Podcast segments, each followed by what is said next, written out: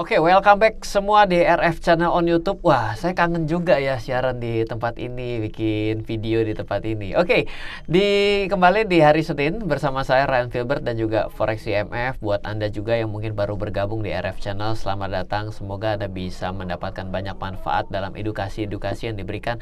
Murni edukasi keuangan dengan cara yang baik dan benar. Uh, memang sesuai dengan visi dan misi yang pertama kali ketika saya mengupload video di RF Channel uh, ingin memberikan satu edukasi pemahaman investasi yang kadang memang tidak selalu dalam kondisi yang bagus. Sama seperti pada tema video hari ini adalah di dunia tengah terjadi tren gagal bayar, galbay dan bangkrut.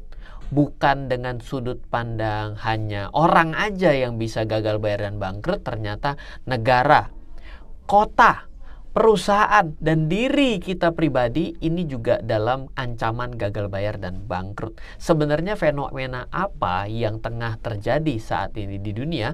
Maka kita akan membahasnya pada video kali ini.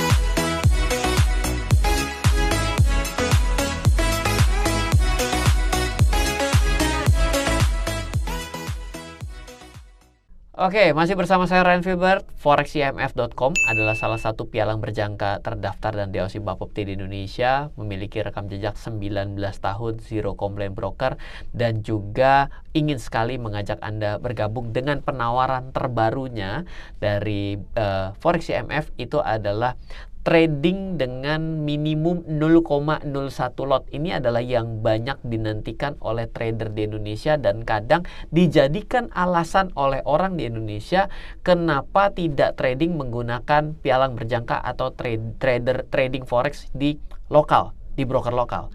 Karena mereka mengatakan bahwa ah 0,1 saya kurang uangnya.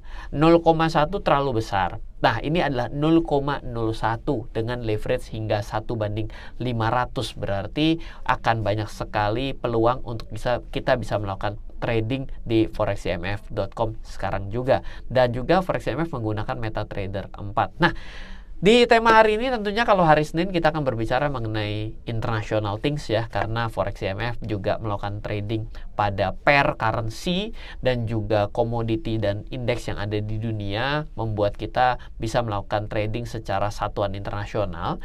Maka yang pertama saya ingin bertanya kepada Anda apakah mengikuti berita-berita ini adalah berita bulan lalu uh, ada negara yang bangkrut yaitu adalah negara Ghana dan ternyata 24 negara itu ada El Salvador, ada Tunisia, Pakistan, Mesir, Kenya, Argentina di mana Argentina pada Oktober inflasinya 300% ya. Ada Ukraina, Bahrain, Namibia, even Brazil juga dalam posisi terancam gagal bayar dan bangkrut ya. Kenapa bisa seperti ini? Itu belum jawabannya, tapi biasanya ditenggarai dengan pendapatan dari negaranya yang semakin hari semakin berkurang. Untuk informasi di negara di sebuah negara ada yang namanya eh, tingkat pendapatan nasional, di mana pendapatan nasional itu adalah biasanya dikalkulasikan investasi, belanja negara, konsumsi, lalu dengan ekspor dan impor. Bila nilai tersebut terus mengalami penurunan,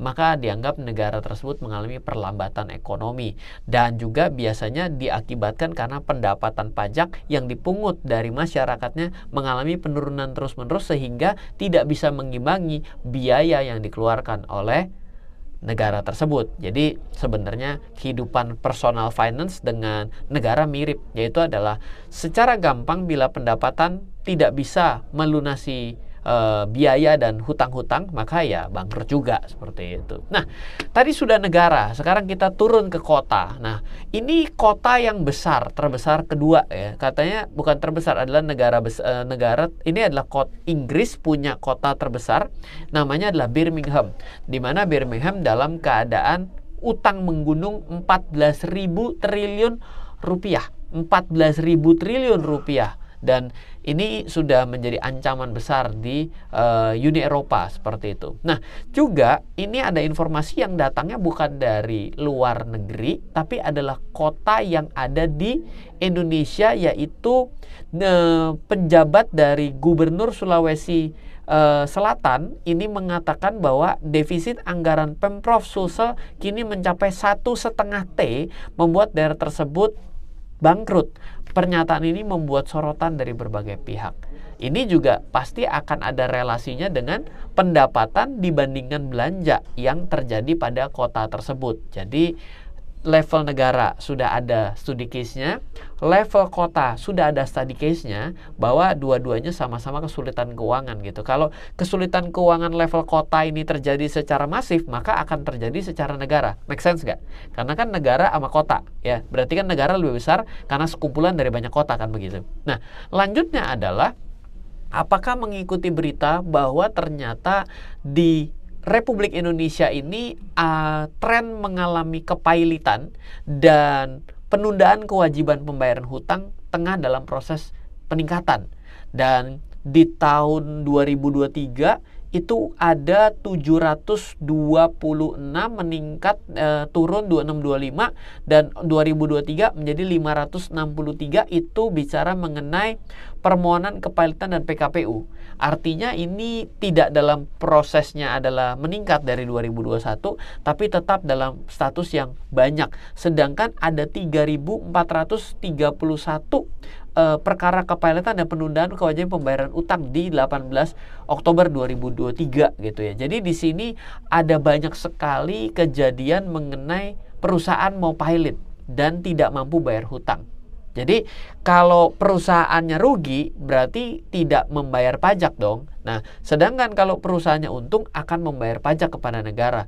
Ya, jadi jangan heran bila akan meningkat ke status nasional bila ternyata begitu banyak perusahaan-perusahaan yang pilot ya kan? Kalau dia rugi saja tidak bayar pajak kalau pilot kan berarti sakit gigi juga kan gitu ya. Nah di Amerika juga ternyata memiliki tren yang sama di mana di 2023 ini ada 2328 bankruptcy fillings di bulan Agustus increase 14% dalam waktu yang sama dari tahun 2022 gitu. Jadi terus mengalami peningkatan. Jadi yang dalam keadaan sulit ini skalanya internasional nih. Jadi bukan hanya tren di Indonesia saja gitu kan.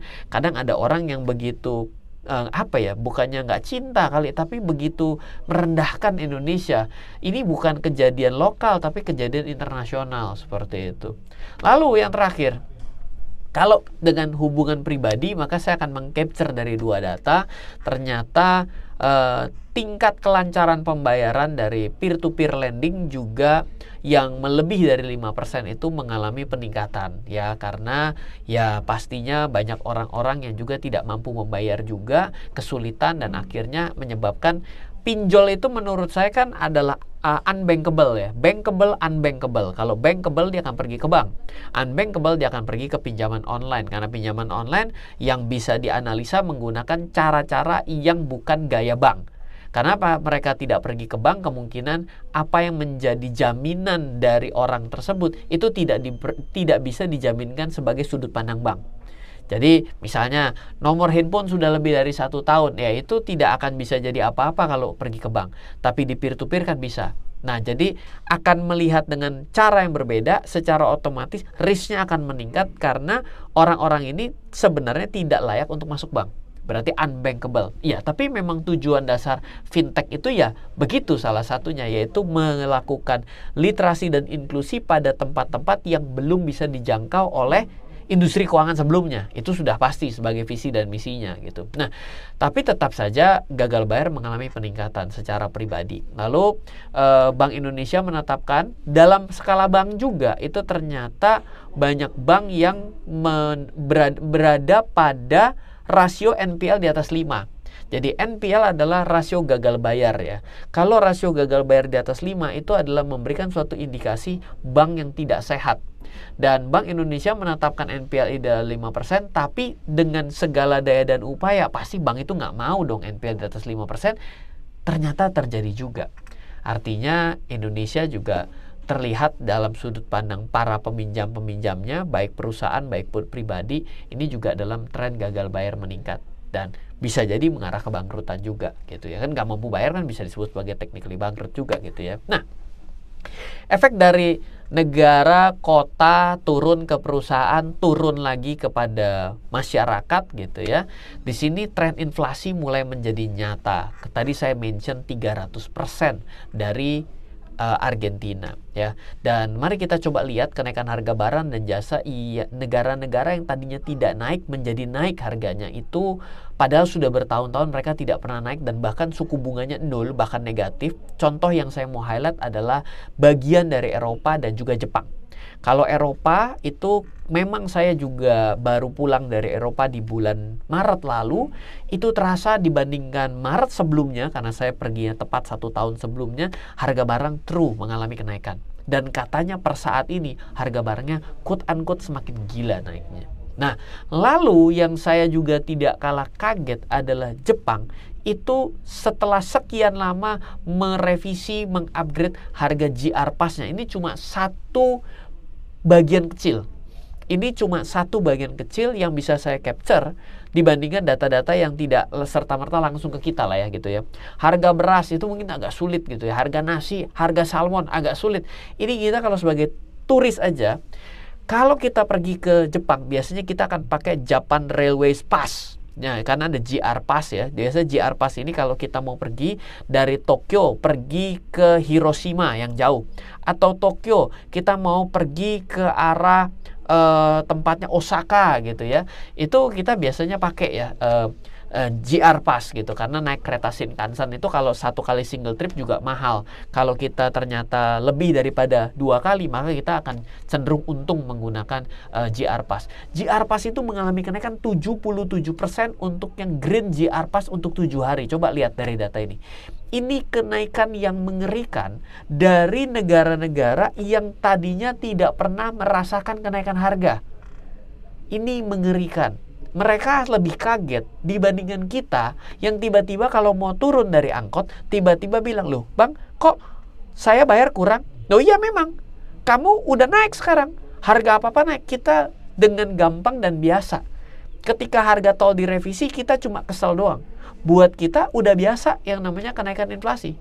Tapi buat negara-negara ini, ini nggak biasa. Karena apa? Karena biasanya nol dan nggak bergerak gitu. Jadi ini adalah satu ancaman sebenarnya efek dari negara yang bangkrut, kota yang bangkrut, perusahaan yang bangkrut dan juga diri kita masing-masing bangkrut. Sehingga saya mau coba untuk menceklis pertanyaan yang bisa saya himpun terkait dengan data-data ini. Biasa saya kalau sudah bikin materi, saya coba tanya ke teman-teman di sekitar saya. Pertanyaan yang pertama ya, kenapa kalau pada bangkrut harga barang-barang naik? Siapa dong yang mampu membeli? Ya, itu adalah masalahnya. Makanya dianggap kesenjangan semakin lebar. Sesuatu kondisi perekonomian yang tidak baik adalah kesenjangan lebar. Ya, jadi jangan kaget nih kalau Eropa ada sedikit bukan sedikit ya turbulensi gitu ya. Lalu negara-negara yang dimention tadi juga turbulensi. Itu Jepang juga pasti turbulensi. Itu kenapa? Karena ba pada bangkrut tapi harga barang naik. Kenapa harga barang naik? Karena terjadi teori kelangkaan. Yang tadinya produsennya bisa 5, yang bangkrut 3, tinggal 2, yang dua, bagaimana caranya untuk bertahan? Ya dia naikin bar harga barang-barang. Jadi apakah mampu membeli itu perkara yang berbeda. Itu dilihat dari kemampuan membeli dari konsumennya, gitu ya. Bukan kalau kalau harga naik itu karena banyaknya peminat, bukan karena banyaknya peminat, tapi karena kelangkaan barang. Kalau pada PHK gimana pada beli barang? Daya belinya turun ya orang berarti akan downgrade spending powernya. Ini lebih bahaya lagi karena ada yang downgrade dari yang makan tiga kali jadi dua kali, yang dua kali jadi satu kali. Apa iya yang satu jadi nol? Nggak mungkin kan? Ini makanya bahaya untuk bisa terjadinya kerusuhan ataupun tindakan kriminal yang mengalami tingkat peningkatan. Ya, kalau semua negara, pengusaha dan lain-lain pada bangkrut seperti tadi, yang diuntungkan siapa? Kadang-kadang kita berpikir seperti itu. Bukankah kalau ada yang dirugikan maka ada yang diuntungkan? Betul? Yes, betul. Ketika pandemi kemarin, orang yang punya cash, maka dia akan cenderung bisa spending untuk beli, mengambil barang-barang yang terdiskon. Tapi kadang-kadang kita dalam keadaan yang sehat bisa jadi tidak sehat kalau kita terlalu spekulatif.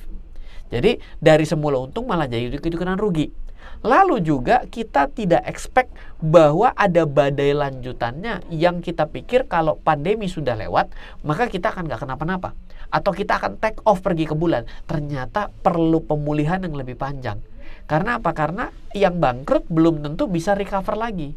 Berarti ada orang-orang yang berusaha untuk memulai usahanya, dia juga tidak memiliki ketahanan. Maka dia mengira ini adalah waktunya yang tepat untuk take off karena dia begitu mepet uangnya, napasnya pendek, maka dia juga ikut-ikutan jadi masalah saat ini. Dan juga menurut saya dalam berbisnis, dalam usaha, dalam kehidupan kita sehari-hari, kita tidak bisa selalu berpikir kalau ada yang untung maka ada yang rugi. Karena bisa saja sama-sama untung, sama-sama rugi. Loh, kok bisa sama-sama rugi? Bisa begini logikanya. Kalau kita misalnya uh, orang beli saham, orang berpikir bahwa kalau orang beli saham saya beli seribu, saya jual di dua ribu, ternyata harga naik. Berpikir bahwa saya menjual di dua ribu rugi. Tidak, kenapa? Karena saya sudah menikmati dari seribu. Selanjutnya dari dua ribu orang yang membeli jadi tiga ribu, berarti dia untung. Apakah dia untung membeli saham yang dua ribu? Untung. seribu seribu untungnya. Berarti win-win, betul? Loh, Pak, kalau sama-sama rugi bagaimana? Bisa saja begini. Ada sebuah bisnis ya, dia jalan bisnisnya ber, tidak berjalan terlalu baik. Lalu ternyata orang yang dihutangin atas bisnis tersebut tidak bisa bayar. Tapi perusahaan itu juga sudah ber, melakukan berbagai macam upaya untuk mempertahankan bisnisnya. Berarti dia juga mungkin keluar uang ini dan itu. Dia juga rugi. Artinya siapa yang diuntungkan dalam kejadian itu? Tidak ada dua-duanya sama rugi. Yang meng, dihutangin rugi, yang menjalankan usahanya juga rugi. Berarti apakah win-win? Loss-loss juga, betul nggak? Jadi mindset bicara mengenai kalau ada yang dirugikan maka akan selalu ada yang diuntungkan. No, life itu tidak zero sum game ya. Selalu seperti itu juga tidak. Sebenarnya kenapa sekarang malah lebih parah sepertinya daripada saat pandemi? Ya, karena pada saat ini posisinya dalam kondisi mau recovery, ini kadang-kadang uh, tidak serta merta bisa langsung recovery. Kenapa? Karena masa masa dia jaya jadi jatuh dan masa dia pulih untuk kembali berjaya perlu waktu dan perlu penyesuaian karena ada new normal, karena ada segala sesuatu yang berubah, ada tren baru, ada kripto, ada blockchain, ada perang. Ya, perang ini kenapa harus terjadi sekarang? Pertanyaannya juga di situ kan? Ya, karena ada faktor lain yang membuat ini tidak secepat itu untuk bisa pulih, bahkan bisa lebih parah kondisinya. Jadi, apakah kita dalam kondisi seperti ini justru jangan bertransaksi apa-apa? Bottom lainnya, selalu dalam kondisi investasi, saya bicara dalam dua sudut pandang, bad news is a good news dan artinya adalah be fearful when others greedy, be greedy when others fearful. Di sini banyak sekali hal yang membuat kita takut, betul? Please ambil notes ini kalau Anda berinvestasi. Tapi kalau Anda melakukan trading, selalu pastikan bahwa dalam kita trading itu memang dalam satu kondisi bisa saja dua-duanya sama-sama mengalami pelemahan. Contoh studi kasus minggu lalu, New Zealand dollar, Australian dollar. Apakah dua-duanya memiliki kondisi yang sama-sama baik? Tidak, dua-duanya sama-sama dalam kondisi yang tidak baik sebagai negara tetangga. Tapi New Zealand dollar akan cenderung lebih lemah dibandingkan Australian dollar. Kenapa? Ya pada akhirnya kan kalau dua-duanya sama-sama melemah akan dilihat yang rada lebih kuat dari pelemahan yang mana sih? Iya dong, hidup ini gini contoh. Nyetir mobil, kecelakaan. Ya kan? Untung dashboardnya doang yang rusak. Kalau ternyata kecelakaan kena luka juga, untung nggak mati, betul nggak? Berarti kan kalau sekarang sama-sama ada kecelakaan, nabrak door dua-duanya, mana yang dirasa lebih untung? Yang cuma dashboardnya rusak atau yang masuk rumah sakit tapi nggak mati? Orang akan bilang, yang dashboardnya rusak lah yang gue pilih. Betul nggak? Sama kejadiannya. Sama-sama jelek. Australian dollar, New Zealand dollar, sama-sama turun. Sama-sama jelek laporannya. Tapi kenapa Australian dollar akan lebih diuntungkan? Ya karena dia yang dashboardnya doang yang rusak. Yang satu masuk rumah sakit doang tapi nggak mati. Berarti yang akan lebih diuntungkan adalah yang Australian dollar. Si, bener nggak? Jadi dalam satu kejadian apa pun kita dalam trading sekalipun kita juga mesti melihat seperti itu di dalam pasar. Karena adalah bisa saja sama-sama menguat. Good, siapa yang menguat lebih kuat? Kalau sama-sama melemah, siapa yang bertahan lebih kuat? Yang ketiga adalah siapa yang kuat, siapa yang melemah. Itu udah jelas. Yang menguat lah yang bagus, yang melemah yang jelek. Tapi jangan lupa, kalau pasarnya adalah dua arah, selalu akan ada opsi untuk mengambil yang lagi jelek, betul nggak? Karena apa? Bisa turun lagi. Yes, ini nggak gampang dalam satu kejadian. Perlu pengetahuan lebih jauh, perlu kita berpikir dengan dewasa dan bijaksana, dan kembali lagi kadang kita perlu belajar mengenai pasar dengan lebih jauh. Ya, semoga bermanfaat untuk sharing hari ini. Semoga memberikan wawasan yang lebih baik lagi. Dan setiap Senin dan Selasa, semua video yang ada di RF Channel dan juga di sosial media lainnya di-provide oleh Forex IMF. Di mana Forex IMF ingin sekali Anda semua bisa bertransaksi dengan cara yang baik dan benar. Silahkan Anda bisa membuka akun di foreximf.com sekarang juga. Ada penawaran baru yaitu 0,01 lot. Ini adalah masih sedikit lah banget loh yang ada di Indonesia. Membuat kesempatan untuk anda, untuk siapa pun bisa bertransaksi forex untuk trading, forex, emas maupun juga untuk komoditi yang lain serta indeks. Dari saya Ren sampai ketemu Selasa besok kita akan live tanya semua hal. Semoga saya mampu menjawab dengan segala kerendahan hati. Kalau belum bisa menjawab, saya akan coba carikan jawabannya juga karena saya ingin juga untuk selalu belajar. Salam investasi untuk Indonesia dari saya Ren